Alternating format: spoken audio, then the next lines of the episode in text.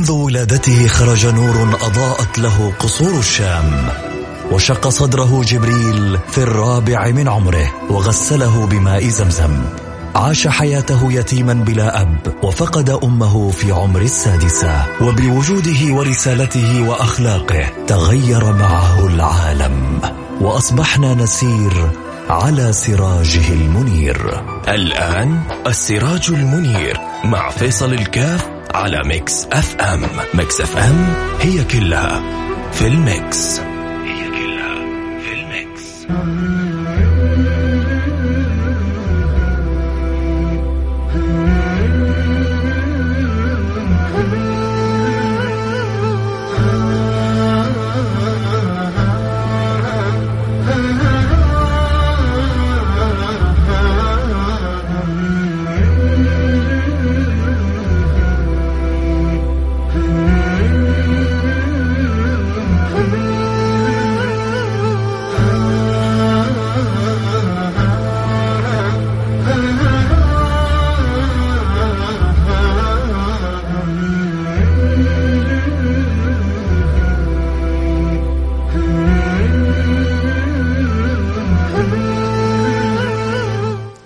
بسم الله الرحمن الرحيم. الحمد لله والصلاة والسلام على رسول الله وعلى آله وصحبه ومن والاه. حياكم الله أحبتي في برنامج آه، السراج المنير، برنامج الذي يحدثنا عن البشير النذير حبيب المصطفى صلى الله عليه وعلى آله وصحبه وسلم وأسأل المولى سبحانه وتعالى أن يقبلنا وإياكم ويرضى عنا ويصلحنا وأن يملأ قلوبنا تعلق بالحبيب المصطفى صلى الله عليه وعلى آله وصحبه وسلم، فما المقصود من هذا البرنامج؟ إلا أن يكون لكل واحد منا نصيب من ذلك الحبيب ونكون منه يعني من أهل القرب والتقريب في ذلك اليوم الرحيب وأسأل الله سبحانه وتعالى أن يجعلنا وإياكم من أقرب الخلق لرسول الله صلى الله عليه وعلى آله وصحبه وسلم. ما زلنا في برنامج السراج المنير نتذاكر ونتواصل في أخبار البشير, البشير النذير وذكرنا مع بداية السنة الهجرية. هذه أخبار هجرة النبي المصطفى ولأول مرة نذكر أصل القصة من بداياتها وما الأسباب التي دعت إلى الهجرات. هي عدة هجرات الهجرة الأولى كانت للحبشة ثم الهجرة الثانية كانت للحبشة ثم بعد ذلك آه الهجرة الكبرى للمدينة المنورة اللي ربي جعل لها النصر للإسلام وللمسلمين سبحان الله آه إن الله لا يؤيد هذا الدين بالرجل الفاجر. لا لا رب يعني ربنا جعل مقدمات الهجرة للمدينة. انتظار اليهود لرسول الله. كانوا اليهود كحالهم دائما أقلية وكانوا يتوعدون الأوس والخزرج إنه حيجي نبي آخر الزمان. وهذا النبي إحنا حنؤمن به. وهذا النبي اللي إحنا حنؤمن به حن يعني نعمل بكم ونفعل بكم وتكون لنا المنعة وتكون لنا القوة وتكون لنا العزة ويتوعدون الأوس والخزرج بهذا النبي.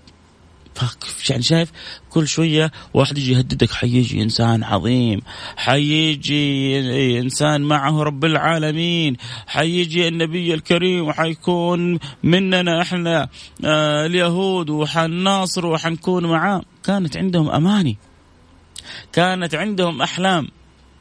فمن كثر ما يسمعوا الأوس والخزرج عن رسول الله صلى الله عليه وعلى اله وسلم وطبعا هم وثنيين. فبيروحوا مكة وبيحجوا كل عام وبيعبدوا الأصنام. والنبي صلى الله عليه وعلى صحبه وسلم كان يتعرض للقبائل ويعرض نفسه صلى الله عليه وعلى صحبه وسلم. هانت عليه نفسه وهان عليه أمره. وكل همه كيف يكون له نصيب من دعوة الناس إلى الملك القريب الحق سبحانه وتعالى. ما عنده هم مثل هذا الهم فما بال أن يعرض نفسه على الناس فمنهم من يسب ومنهم من يشتم ومنهم من يسيء الأدب ومنهم من يقل الأدب ومنهم من يتلفظ ومنهم من يصفه بالجنون وبالهبل وبالخبل وأنواع كثيرة من الأذية كان يتعرض لها النبي المصطفى. هؤلاء الأنصار سبحان الله يا يا سادتي الأرض لها تأثيرها على القلوب. لذلك دائما تجد أن أهل البحر لهم طباع أهل البادية لهم طباع. تؤثر الطباع هذه ما هو على البشر حتى على الحيوانات. الإبل له طباع الغنم لها طباع المرعى له أثر في الطباع شيء عجيب. فأهل المدينة الرحمة كذا الطيبة الحلاوة معجونة بهم. فما أن جاءوا إلى النبي صلى الله عليه وسلم والنبي عرض نفسه عليهم. فإذا بهم يقولون هذا الذي كان يتوعدنا به اليهود. فلنسبقهم إليه. ما دام جانا إحنا أول خلونا إحنا اللي نفوز بشرف الارتباط بهذه النبوة. توافيق؟ كم عرض نفسه رسول الله على أهل مكة؟ وكم قال لعمه أبو لهب كلمة تملك بها العجم والعرب كلمة تملك بها العجم والعرب قولوا لا إله إلا الله تفلحوا. لكنها سوابق السعادة. سوابق السعادة لأهل الإرادة لمن أراد الله سبحانه وتعالى أن يفتح لهم أبواب السعادة. فلذلك سوابق السعادة سبحان الله ربي أكرم بها أولئك الأنصار. فمباشرة اسلموا على يد سيدي رسول الله.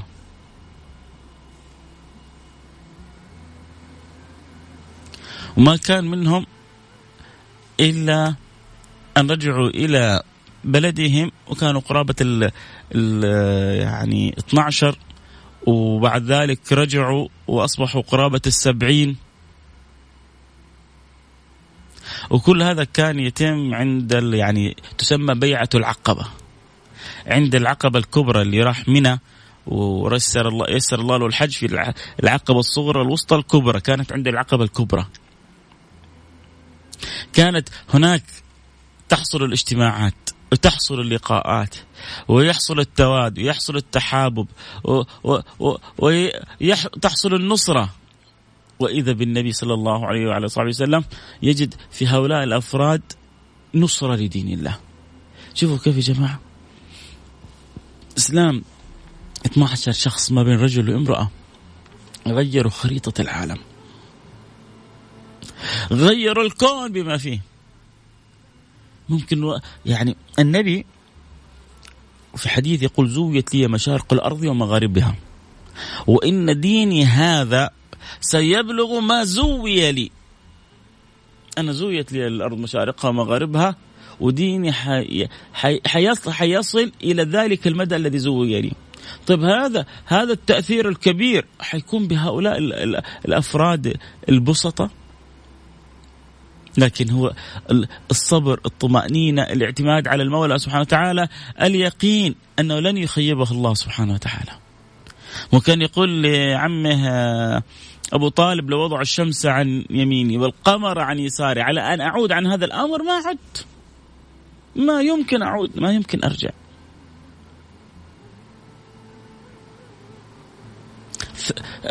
إن مع ما هو النبي صلى الله عليه وسلم بيعيش حقيقة إن معي ربي سيهدين. وقلب يعيش يعني حقيقة إن معي ربي سيهدين. كيف يخاف؟ كيف يفزع؟ كيف يتراجع؟ هو يعرف أن يعني الأمر كله بيد الله. ولو شاء الله لهدى الناس جميعا. لو أراد الله سبحانه وتعالى الخلق كلهم في لحظة كلهم مسلمين.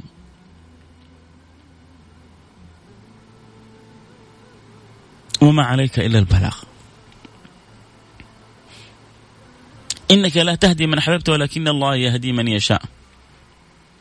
هو في نبي يظن نفسه. هو في ملك يظن نفسه أنه يستطيع أن يغير أحد إلا بأمر الله. الهادي هو الله ولا هادي سواه. النافع الضار هو الله. المعطي المانع هو الله. جل الله تعالى في علاه.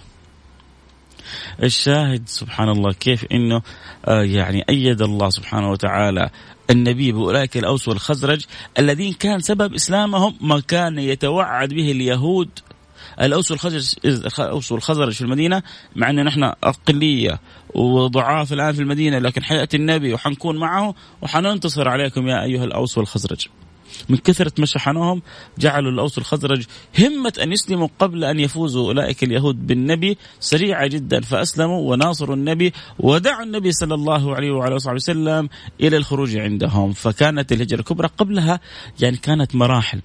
بداية القصة آه، دعوة النبي الخلق إلى دين الله. إسلام آه، عدد من المستضعفين ودائما دائما دائما شوفوا في كل الدعوات غالبا أول ما يبدأ بالإقبال يعني المستضعفون.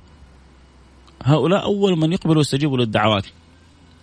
لأنه غالبا يكونوا يعيشون أنواع من الظلم. فإذا من أتى من يكلمهم عن العدل عن الحق عن الاستقامة عن نبذ ال ال الأخلاق المشينة السيئة تجد القلوب على طول تتعاطف. فالفقراء والبسطاء والمساكين يتفاعلوا بسرعة مع هذه الدعوات. فإذا ب أولئك المستضعفين يعانوا صنوف من من أنواع العذاب مثل ما ذكرنا ما جرى لسيدنا عمار سيدنا ياسر وسيدتنا سمية وكيف ماتت سيدتنا سمية وكانت أول شهيدة وكيف رميت بال يعني بالرمح في في الأماكن في العورات المغلظة وكان الروح محمي بالنار وماتت ويعني كانت أول شهيدة في في الإسلام وياسر وكيف سيدنا عمار اللي صغر سنه آه، ربما ما استطاع أن يصبر وقال قال له النبي صلى الله عليه وسلم لو عادوا فعدوا. قصة طويلة عريضة وكان يمر أمامه النبي وهو اللي قادر لو قال يا ربي أهلك قريش كلها لاستجاب الله له. يا ربي أهلك الكفار من قريش لاستجاب الله له. اللي كان يقوله بس بيمر عليهم يقول صبرا آل ياسر فإن موعدكم الجنة. شوية بس.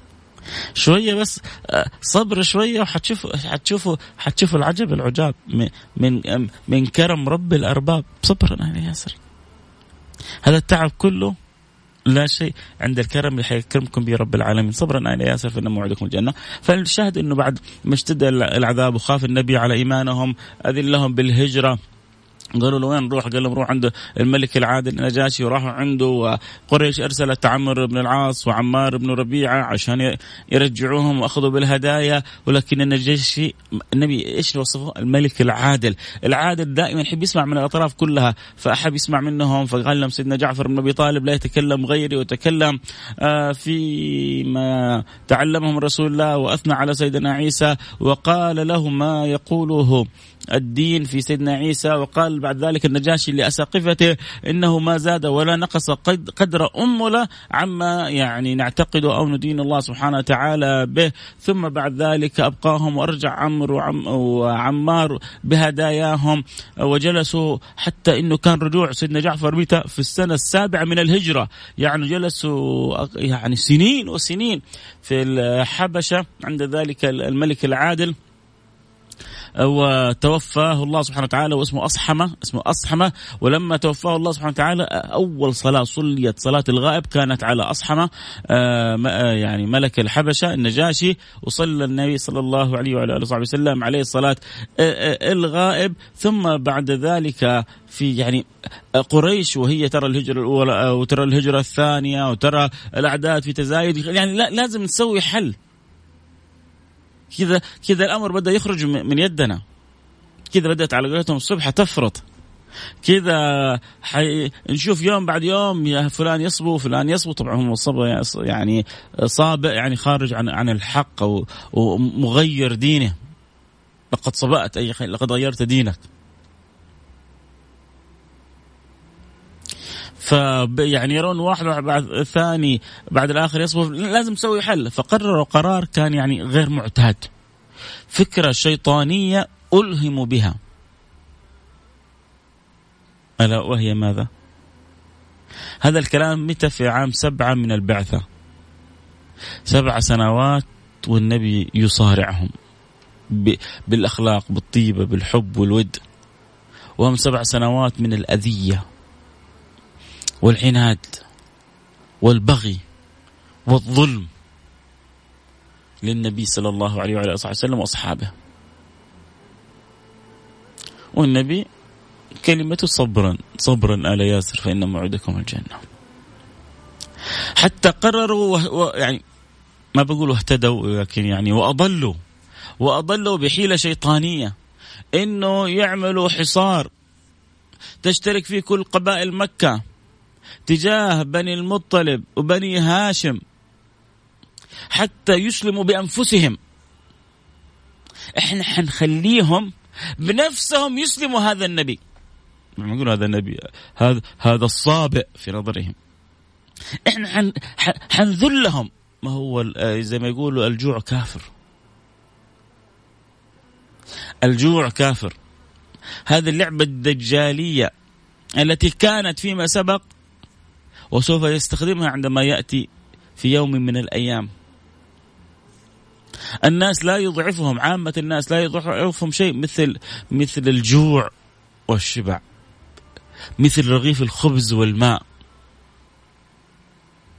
أمم تغير في دينها من أجل الرغيف والخبز الماء. يمسي الرجل مؤمنا ويصبح كافرا يصبح كافرا ويمسي مؤمنا يبيع دينه بعرض بعرض من الدنيا يسير يا يا للأسف بوسخ من الدنيا لربما عنده استعداد إن يبيع دينه نسأل الله السلامة والعافية. طبعا أذكر كل أحب اللي يتابع الحلقة صوت وصورة يستطيعوا ينضمون على الإنستغرام live @فيصل كاف على الإنستغرام live @فيصل كاف و إن شاء الله كذلك بعد قليل آه، يفتحوا البث في على تويتر @Mix FM على اللي يبغى يتابع عبر التويتر @Mix FM يستطيع أن يتابع البث أو كذلك عبر الإنستغرام live @فيصل كاف F A I S A L K F الشاهد إنه بعد ما ذكرنا بدايات مقدمات الهجرة وبعدين قلنا الهجرة الأولى وبعدين قلنا الهجرة الثانية وانزعاج قريش من الحاصل من سيدنا محمد صلى الله عليه وسلم. الناس عمالها من غير ما يعطيهم النبي لا دينار ولا درهم. القلوب كل قلوب إلى الحبيب كل كل القلوب إلى الحبيب تميل ومعي بذلك شاهد ودليل. القلوب لا شعوريا تبدأ تتجه نحو النبي المصطفى صلى الله عليه وعلى آله وصحبه وسلم. لابد نتخذ قرار فاتخذوا قرار كانت يعني بدعة دجالية شيطانية ما كان يعرف لها آه، سابق قرروا حصار النبي صلى الله عليه وعلى اله وسلم. لا مو حصار النبي لا لا لا. حصار بني المطلب وبني هاشم قبيلتين كاملة. إلى أن نجعلهم إلى أن نذلهم فيسلمهم أو يقتلهم بأنفسهم محمدا. إحنا ما نبغى نهيج القبائل كلها علينا لكن حنجعل حنجعل قبيلته هي اللي تسلم وتقتل بنفسها. فقرروا حصارهم وحاصروهم في الشعب حتى جلسوا بذلك الشعب ثلاث سنوات. حتى تضوروا من شدة الجوع فكان يبكي الصبيان وكانت تتألم النساء. حتى وصل بهم الحال أن يأكلوا ورق الشجر من شدة الجوع. ما في طعام. ما في أكل يأكلوه. كلما جاءت يعني قافلة اشتروها باقي القبائل تكاتفوا. وإذا وضعت يعني بني هاشم ثمن زايدوا عليه واخذوا بأغلى الأثمان. أنتوا يا بني المطلب وبني هاشم قطرة موية ما تشوفوها وحبة شعير ما تأخذوها. تأتيهم باللطف بالخفا ربما من هنا من هناك لكن الحال الغالب أن شدة الجوع ضربتهم ضرب شديد. حتى أكلوا ورق الشجر حتى اخضرت أشداقهم كما يصفها. يعني الراوي من شدة الجوع ومن شدة يعني أكلهم للورق الشجر الأخضر. ما في شيء يأكلوه. وعاشوا على هذا الحال ثلاث سنوات. وبعدين ترى ما هو كان يعني عدد منهم مسلمين لكن عدد منهم ما هو بسيط كانوا كافرين. لكن شعورهم بالنور بالحق تثبيت من الله لهم. نصرة لابن قبيلتهم يعني فسرها بما شئت. حتى الكافر من بني المطلب بني هاشم كان واقف. ودخل لذلك هذه القبيلة ما نسى الله لها هذا المعروف. ولذلك عدوا من آل البيت. لما يقال آل البيت فهم كما يقول الإمام الشافعي يقول هم بني المطلب وبني هاشم. حمد الله لهم ذلك الموقف فأبقاهم آل بيت رسول الله من ذلك اليوم حتى تقوم الساعة. حتى تقوم الساعة وهم آل البيت. لأنهم ناصروا رسول الله يا جماعة. الله لا ينسى المعروف. وما كان الله ليضيع إيمانكم. وهل جزاء الإحسان إلا الإحسان؟ أنت بتتعامل مع رب العالمين. أنت بتتعامل مع أكرم الأكرمين. أنت بتتعامل مع الرحمن الرحيم. عجبا. لذلك لتلك القلوب. الشاهد سبحان الله أنهم ناصروا النبي صلى الله عليه وآله وسلم ثلاث سنوات. وبعد ما حاول أبو طالب في النبي إنه يرجع ويعني تراجع وقالوا لو وضع الشمس عن يميني والقمر عن يساري ما رجعت عن عن هذا الأمر. وتأثر أبو طالب بكلام النبي وبصلابة النبي وبموقف النبي وبثبات النبي. قال له امضي. ومضى النبي صلى الله صلى الله عليه وعلى آله وسلم في دعوة الحق ومن خلفه آه، أبو طالب ومن نصروه آه، من بني المطلب وبني هاشم ودارت الأيام. حتى أخذت الرقة والعاطفة قلب هشام بن عمرو. فبدأ يهرب لهم الطعام. يا أخي في ناس يا جماعة على الفطرة أهو بنشوف إحنا أحيانا بنشوف آه غير مسلمين وغير مسلمات بينزلوا إلى أدغال أفريقيا، بعضهم لهم ربما نوايا استشراقية وبعضهم لهم نوايا تبشيرية لكن مش كلهم. في ناس الفطرة بتدعوهم إلى أنه يروحوا إلى هؤلاء يعني الغلابة المساكين حتى يطعموهم حتى يسقوهم حتى يكرموهم. في إنسان في أغنياء كل همهم كيف يدوسوا على الناس حتى يجمعوا هم أكبر الأموال. وفي أغنياء ما يستطيعوا يناموا وهم شبع وغيرهم جائع. شاب ابن عمرو قال قال يعني إلى متى ونحن بهذه الحالة؟ إخواننا من بني المطلب وبني هاشم يتضورون جوع النساء تبكي الصبيان يتألمون من شدة الجوع. وإحنا ناكل ونشرب ونطعم. شوف شوف الفطرة الإنسانية يا جماعة. بعضنا حتى هو في الزمان هذا تجرد من هذه الفطرة الإنسانية. عنده ملايين وأصحاب وأقارب وبعضهم فقراء. مش قادرين يسددوا فاتورة كهرباء مش قادرين يحصلوا ما يستر حالهم ولا يبالي بهم. يا الله يعينك يا ويلك من رب العالمين. لن تزولا قدم عبد حتى يسأل عن أربع. عن مال من أين اكتسبه وفيما أنفقه. تحصل هذا التاجر ممكن في حفلة يصرف خمسين مئة مئتين ثلاثمئة أربعمئة نص مليون ولكن على قريبه يبخل حتى بالألف وبالألفين وبالثلاثة ألف. ما هو الحياة توفيق من رب العالمين. هشام بن عمرو قلبه وجعه. كيف إحنا نأكل ونستأنس. وأبناء عمومتنا يتضورون جوع بدأ يهرب لهم الطعام. بعد شاف إنه هذا مو حل إلى متى وأنا حجلس أهرب لهم الطعام؟ فبدأ يكلم هنا وهناك.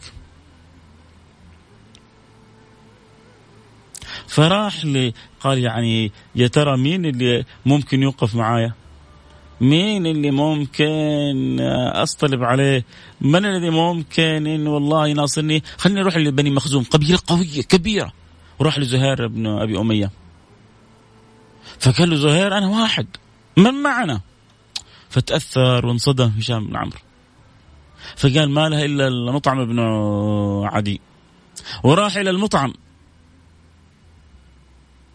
وقال له قال من معنا؟ قال معنا أنا معك قال ومن معنا قال معك زهير بن أبي أمية. صاروا ثلاثة بدأوا يتشجعوا. ما هو يا جماعة؟ في قلوب إحنا أحيانا يصور لنا غير المسلمين بصور صعبة.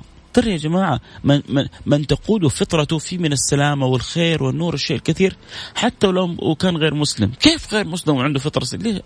عنده هو ربما بعض غير المسلمين ما وصلت لهم صورة الإسلام الصحيحة. والله ولو, ولو يعني عرفوا لأسلموا. ولو عرفوا لأسلموا. مثل أذكر مرة قبل فترة حملة كذا متعلقة بالصلة بالنبي. لو عرفوك لأحبوك. لو عرفوك لأحبوك. هذا الحبيب المصطفى صلى الله عليه وسلم إذا عرفته ما تملك ما عندك خيار. إذا والله وأنا أحلف بالله. والله. لو فتح الله لك باب معرفة لهذا النبي والله ما عندك خيار إلا أن تحبه. لا شعوريا لا يعني لا ما هو باختيارك. ما تجد نفسك إلا وأنت مأسور بحب هذا النبي. لكن متى ما فتح لك باب التعرف عليه؟ احرص. احرص إنك تتعرف على حبيبك محمد. اعرفه. هو محمد بن عبد الله بن عبد المطلب بن هاشم. لا لا لا لا. اعرفه صح. اعرف اخلاقه. تأمل في سيرته. أكثر من الصلاة والسلام عليه. ادعو الله سبحانه وتعالى أن يرزقك حبه وأن يحشرك في زمرته. خلي عقلك وفكرك مشغول به. وأبشر بسعادة الدارين. والله أبشر بسعادة الدارين. قال يا رسول الله كم أجعل لك من صلاتي? قال ما شئت. قال إذا أجعل لك صلاتي كلها. قال إذا تكفى همك ويغفر ذنبك. القلوب المعلقة بي مكثرة من الصلاة علي منشغلة آه بالصلة بي لا لن يعرف تعرف الهموم طريقها إليه في الدنيا ولن تعرف الذنوب طريقها له في الآخرة. الذنوب مغفورة والهموم مكفية. إيش تبغى؟ أحسن من كذا لو عرفوك لأحبوك والدين هذا والله لو عرفوه لما تاخروا ما هو نحن بنقول المشكلة المشكلة في هذا الدين المشكلة في في الإسلام إن إحنا المسلمين ما إحنا عارفين نعرض بضاعتنا. إحنا ما إحنا عارفين نقول للناس كم هذا الإسلام عظيم كم هذا الإسلام جميل. وحتى لو قلنا لهم ما حيصدقوا لأنه بيشوفونا إحنا بعيدين عن التطبيق. إحنا أبعد ما نكون عن التطبيق. ما هو أنت لما تيجي تقول والله هذا المنتج كذا وكذا وكذا وكذا وبعدين؟ أنت ما أنت عارف تستخدمه بطريقة صحيحة. أنت ما أنت عارف تقيمه بطريقة صحيحة. كيف حتبيعه علي؟ كيف حتوصل لي إياه؟ وأنت البياع أو أنت المروج أو أنت المسوق ما أنت عارف تستخدمه بطريقة صحيحة. إحنا في الزمن هذا المسلمين أكثر الناس تتناحر وأكثر الناس تتقاتل. ويعني أكثر الناس بنكفر بعضنا البعض بعدين يقول يا أخي الناس ليش ما تدخل دين الله؟ يا أخي الناس ليه ما تصير مسلمة؟ بسبب اشكالي وأشكال بعض الناس لأنه إحنا ما إحنا مستشعرين قديش هذا الإسلام جماله في بساطته جماله في لطافته جماله في رحمته جماله في محبته جماله في سلامته الله السلام ومنه السلام وإليه السلام. هذا الشعار بس لو عرفنا ننشره صح كان رأيتنا أمم تدخل في دين الله. لو فهمنا الناس إن الله هو السلام وإن المطلوب منا نشر السلام وانه ديننا قائم على السلام وانه هو كله اسمه الإسلام لما تأخر أحد.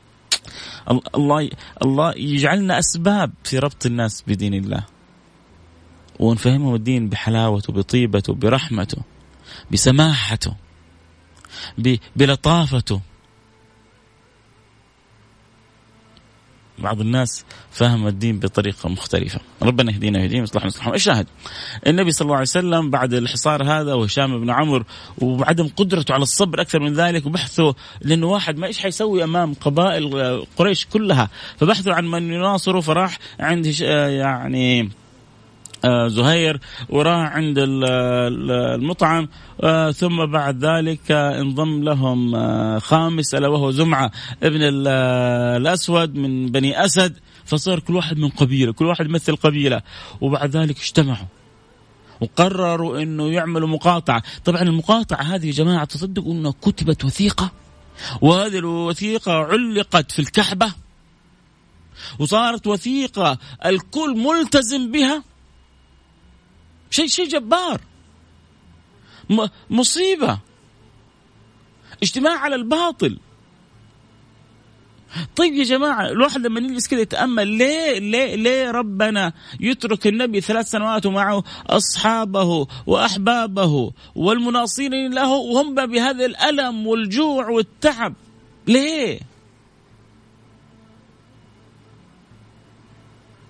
مو في أنبياء دعوا على أممهم وأبادهم الله سبحانه وتعالى.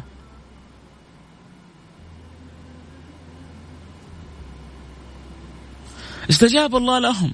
فكيف ما يستجيب للنبي؟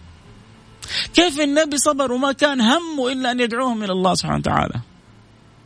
وكيف ربنا مع حلمه ورحمته كيف ترك أولئك ذلك النبي حبيب والله ما أحب أحد في الكون مثل ما أحب سيدنا محمد. حبيب رب العالمين يتضور من شدة الجوع ويأكل ورق الشجر. والله ناظر إليه. والله سبحانه وتعالى راضي. والنبي راضي. والصحب الكرام راضين لأنه موعدنا الجنة. صبرا ألا يصرف هنا هذه الدنيا إحنا رايحين منها. موعدنا بعدين. مو كثير من الناس نسيت إنه الموعد بعدين. فعاشت لدنياها فباعت دينها من أجل دنياها. يا غلبان يا غلبان ومن يبع ومن يبع عاجلا عاجلا أي الدنيا بآجله الآخرة. ومن يبع عاجلا منه بآجله يبن له الغبن في بيع وفي سلم تبان عليه كيف إنه انضحك عليه وخدع في بيع وفي سلم ثلاث سنوات وربنا ناظر إليهم وربنا مطلع عليهم والأمر كما هو. كتبوا الوثيقة وعلقوها على استار الكعبة. عندما قرروا هؤلاء بعد ثلاث سنوات في السنة العاشرة من البعثة أنه خلاص ما حنرضى بالظلم بعد ذلك. حصار اقتصادي تجويع عالمي شدة أخلاقية. كلها مرست على رسول الله.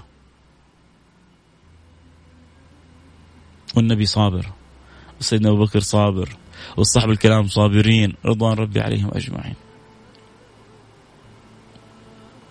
اجتمعوا الخمسة وجمعوا قبائل قريش وقالوا أن لن نرضى بهذا الظلم.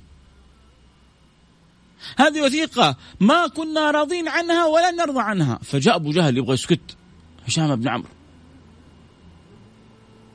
اسكت. ما الذي تقول؟ هو دخل من هنا أبو جهل وعلى قولتهم يعني ينبرش له. زهير بن أمية. بالفعل هذه وثيقة ما كنا راضين عنها. ما انتهى زهير من كلمته إلا ويدخل المطعم آه ويقول له نعم ان ما كتبناها وان لا نرضى بها. ما خلص المطعم إلا ويأتي آه زمعة ابن الأسود ويقول ونحن كذلك ما رضينا ولا نرضى ولن نرضى بها. أبو جهل شاف خمسة من خمسة قبائل وكلهم من كبار القوم وبدا بدأ الصراخ وبدأ الصراع وكان النبي صلى الله عليه وسلم أوحى الله له. أن دودة الأرض قد اكلت الوثيقة. وما أبقت منها ما أبقت منها إلا اسم الله. شروطهم معهودهم مواثيقهم كل اكلت الأرض سبحان الله. وأبقت اسم الله. فجاء أبو طالب بعد ما اخبره النبي بهذا الكلام يبغى يخبر قريش حرام عليكم فكوا علينا الحصار. حتى من نصرة الله لنا انه دودة الأرض أكلت الوثيقة اللي أنتم متمسكين بيها. مو أنتم سويتوا معاهدة؟ يلا وين المعاهدة؟ دودة الأرض أكلتها ما أبقت إلا اسم الله. فجاء لهم أبو طالب. طبعا أذكر كل اللي يحب يتابع الحلقة أكيد صوت وصورة. يستطيعوا ينضمون على الانستغرام live @فيصل كاف F A I S A L K F وتقدر يعني تدعو كل من تحب يكونوا معنا على السمع. وكذلك على تويتر @Mix FM على تويتر يحبوا يتابعوا عبر برنامج تويتر. على تويتر @Mix FM الحلقة تبث صوت وصورة. طبعا رجاء إنك يعني على الأقل على في تويتر ممكن تسوي لها retweet ف طريقة سهلة جدا أن تقول باقي أصحابك أن يكونوا معنا على السمع. آه ممكن تدخل على تويتر @Mix FM وتسوي على الأقل retweet حتى لو أنت تتابع عبر الإنستغرام. آه، بحيث إنه تخبر كل أصحابك يكونوا معنا على السمع. لعل الله سبحانه وتعالى أن يسمع أحد كلمة متعلقة بالنبي المصطفى فتكسب أنت أجرها بإذن الله. طيب نرجع لموضوعنا.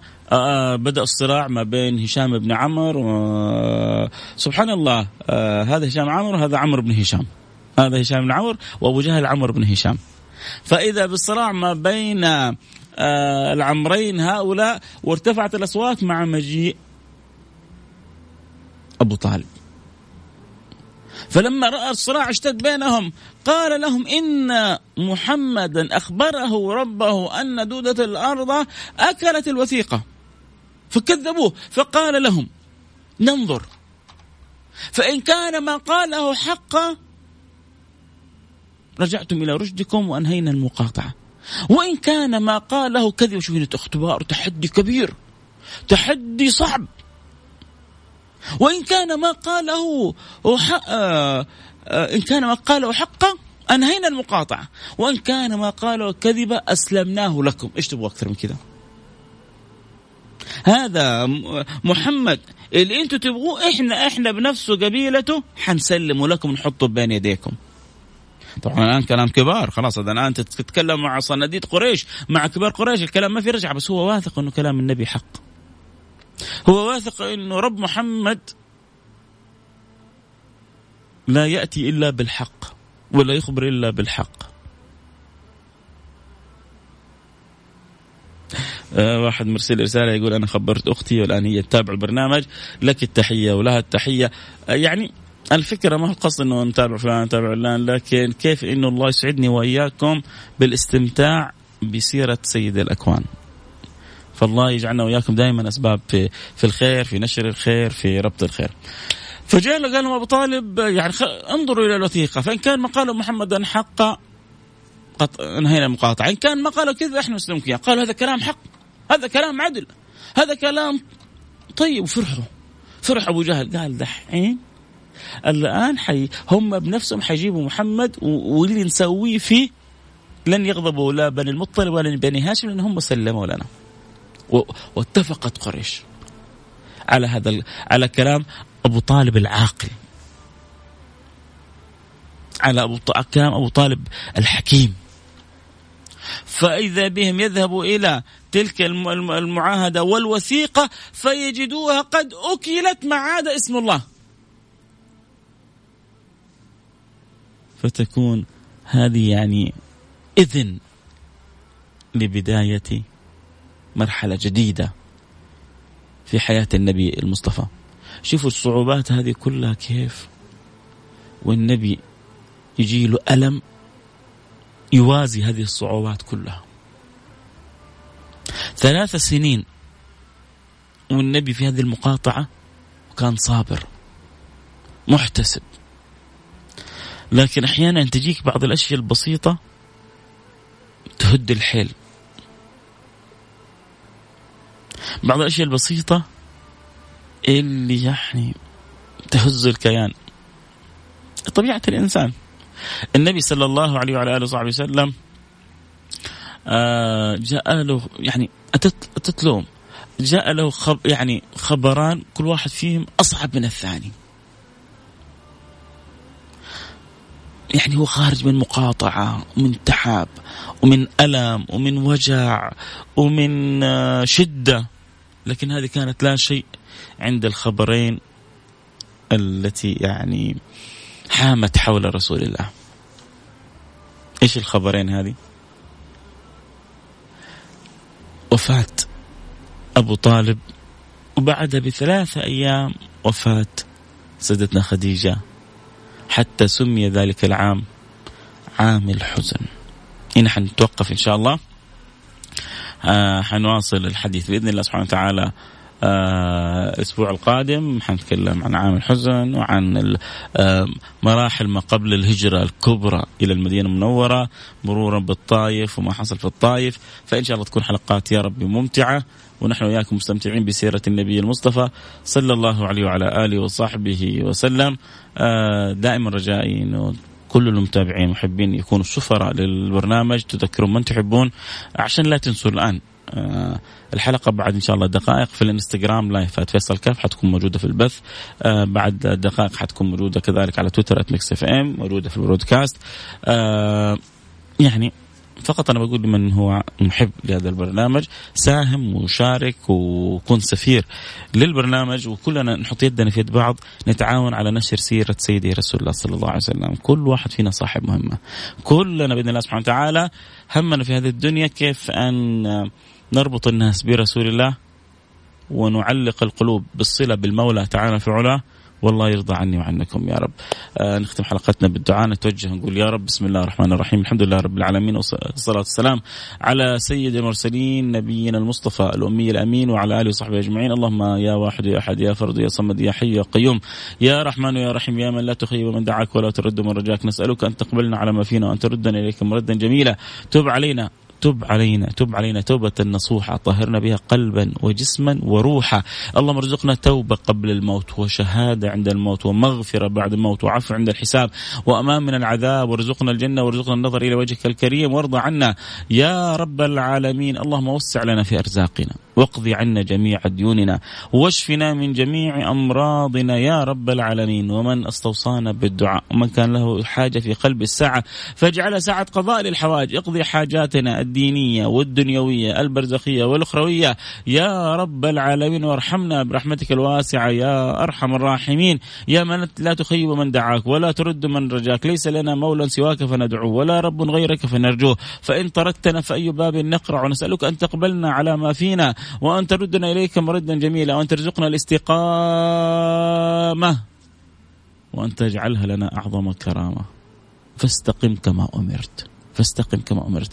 ارزقنا الاستقامة يا رب العالمين. وارض عنا وارحمنا برحمتك الواسعة. إنك أرحم الراحمين. اللهم آمين يا رب العالمين. اللهم نسألك أن تحفظ لنا خادم الحرمين الشريفين وتوفقه لما تحب وترضاه. تلبسه ثوب الصحة والقوة والعافية وتبارك في ولي عهده وتجعله خيرا معين له يا رب العالمين. لما فيه الخير للعباد وللبلاد وان تحفظ الحرمين الشريفين وان تحفظ بلادنا خاصة وسائر البلاد عامة من كل سوء ومن كل مكروه من أراد ببلادنا سوء. اللهم اجعل فيه تدبيرها وتدميرها واجعل المكائد تدور من حوله. وأدم علينا في بلادنا خاصة وسائر بلاد عامة نعمة الأمن والأمان وأكرمنا فيها بالمزيد من الاطمئنان. وأدم علينا نعمة شكرك فبالشكر تدوم النعم. يا رب يا رب وفقنا لشكرك. يا رب وفقنا لشكرك. يا رب وفقنا لشكرك. ولئن شكرتم لأزيدنكم. ولئن شكرتم لأزيدنكم زدنا من نعيمك وزدنا من إفضالك وزدنا من عظيم نوالك. يا رب العالمين ارحمنا برحمتك الواسعة. إنك أرحم الراحمين. اللهم من وليت أمر من أمور المسلمين. فاصلح الراعي والرحية واصلح الأمة المحمدية واصلح شبابنا وبناتنا. اللهم إن هناك من يريد بهم اشغالا وانشغالا عن طريق الحق من دوائر أهل الكفر ومن دوائر أهل الباطل ومن لأولادنا وبناتنا إلا أنت. ردنا وإياهم إليك مردا جميلا. أصلحنا. ونور قلوبنا وقوالبنا. وعلقها بما يرضيك عنا. واجعلنا وأولادنا وبناتنا من أقرب الخلق إليك يا رب العالمين. واجعلنا كما تحب وترضى يا رب العالمين. اللهم بغض إلينا المعصية. يعني أرجو من كل اللي يسمعون الآن من قلوبنا كذا. نسأل الله سبحانه وتعالى أن يبغض إلينا المعصية وأن يحبب لنا الطاعة. قولوا آمين من قلوبكم يا رب بغض إلينا المعصية. لما ربي يبغض في قلبك المعصية تصير أنت المعصية تكرهها مو بس مش مش ما تسويها لا تكرهها. فرق بين اللي ما يسوي المعصية ويتمناها وبين اللي يكرهها يا رب بغض في قلوبنا المعصية وحبب لنا الطاعة. اجعل عمل الطاعة أحب شيء إلى قلوبنا. واجعل أبغض شيء في قلوبنا إتيان المعصية يا رب العالمين احسن خاتمتنا وأنت راضي عنا واجعل آخر كلامنا من الدنيا لا إله إلا الله.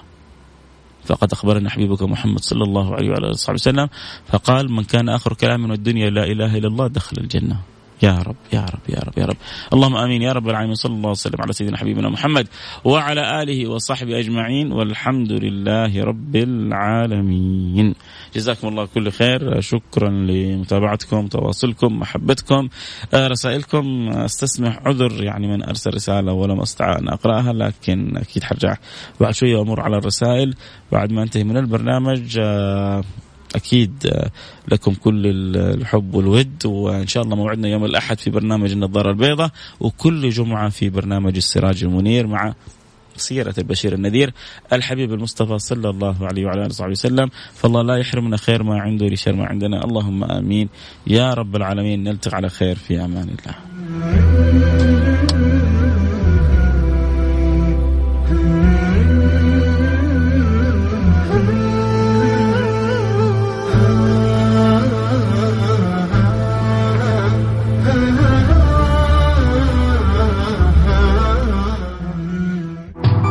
السراج المنير مع فيصل الكاف على Mix FM. Mix FM هي كلها في ال mix.